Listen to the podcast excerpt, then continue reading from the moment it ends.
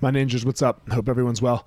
Um, man, I'm reading this book. It's called uh, Zen Mind, Beginner's Mind. It's all about Zen Buddhism, um, and it's super interesting. Like I just find the whole thing of Zen very interesting, or the Eastern religions in general.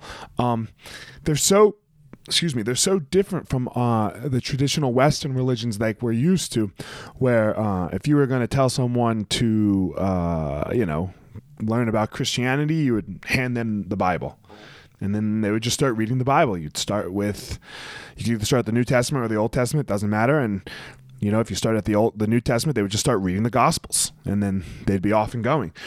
Where uh, Buddhism and the Eastern religions, they don't have that. Like, you need a teacher.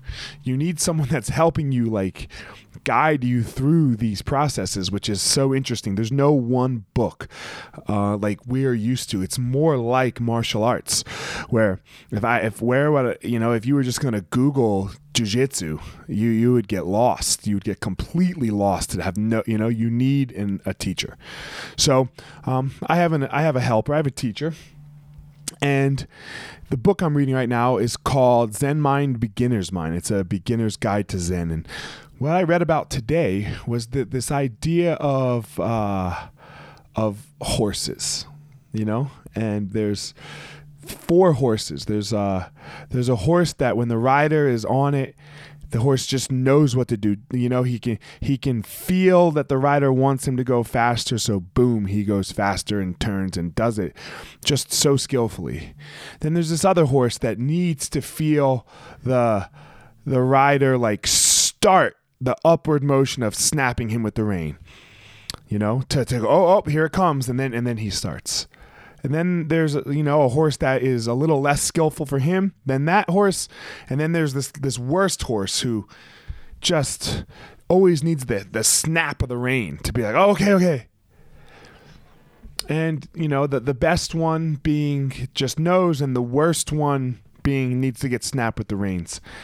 And man, it was saying that maybe maybe our idea of best and worst are flip flopped.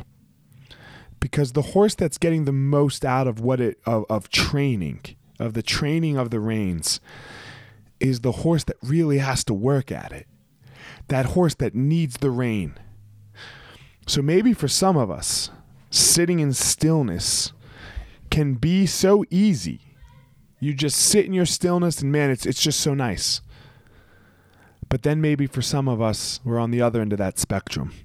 We constantly want to move. We constantly want to fidget. It is work. It is work for us to sit in stillness. And you would think that the that the person who could just jump right into their their their peace would be getting the most out of this out of the practice. Or maybe it's the person that's got to work for it that's getting the most out of the practice. Find your power.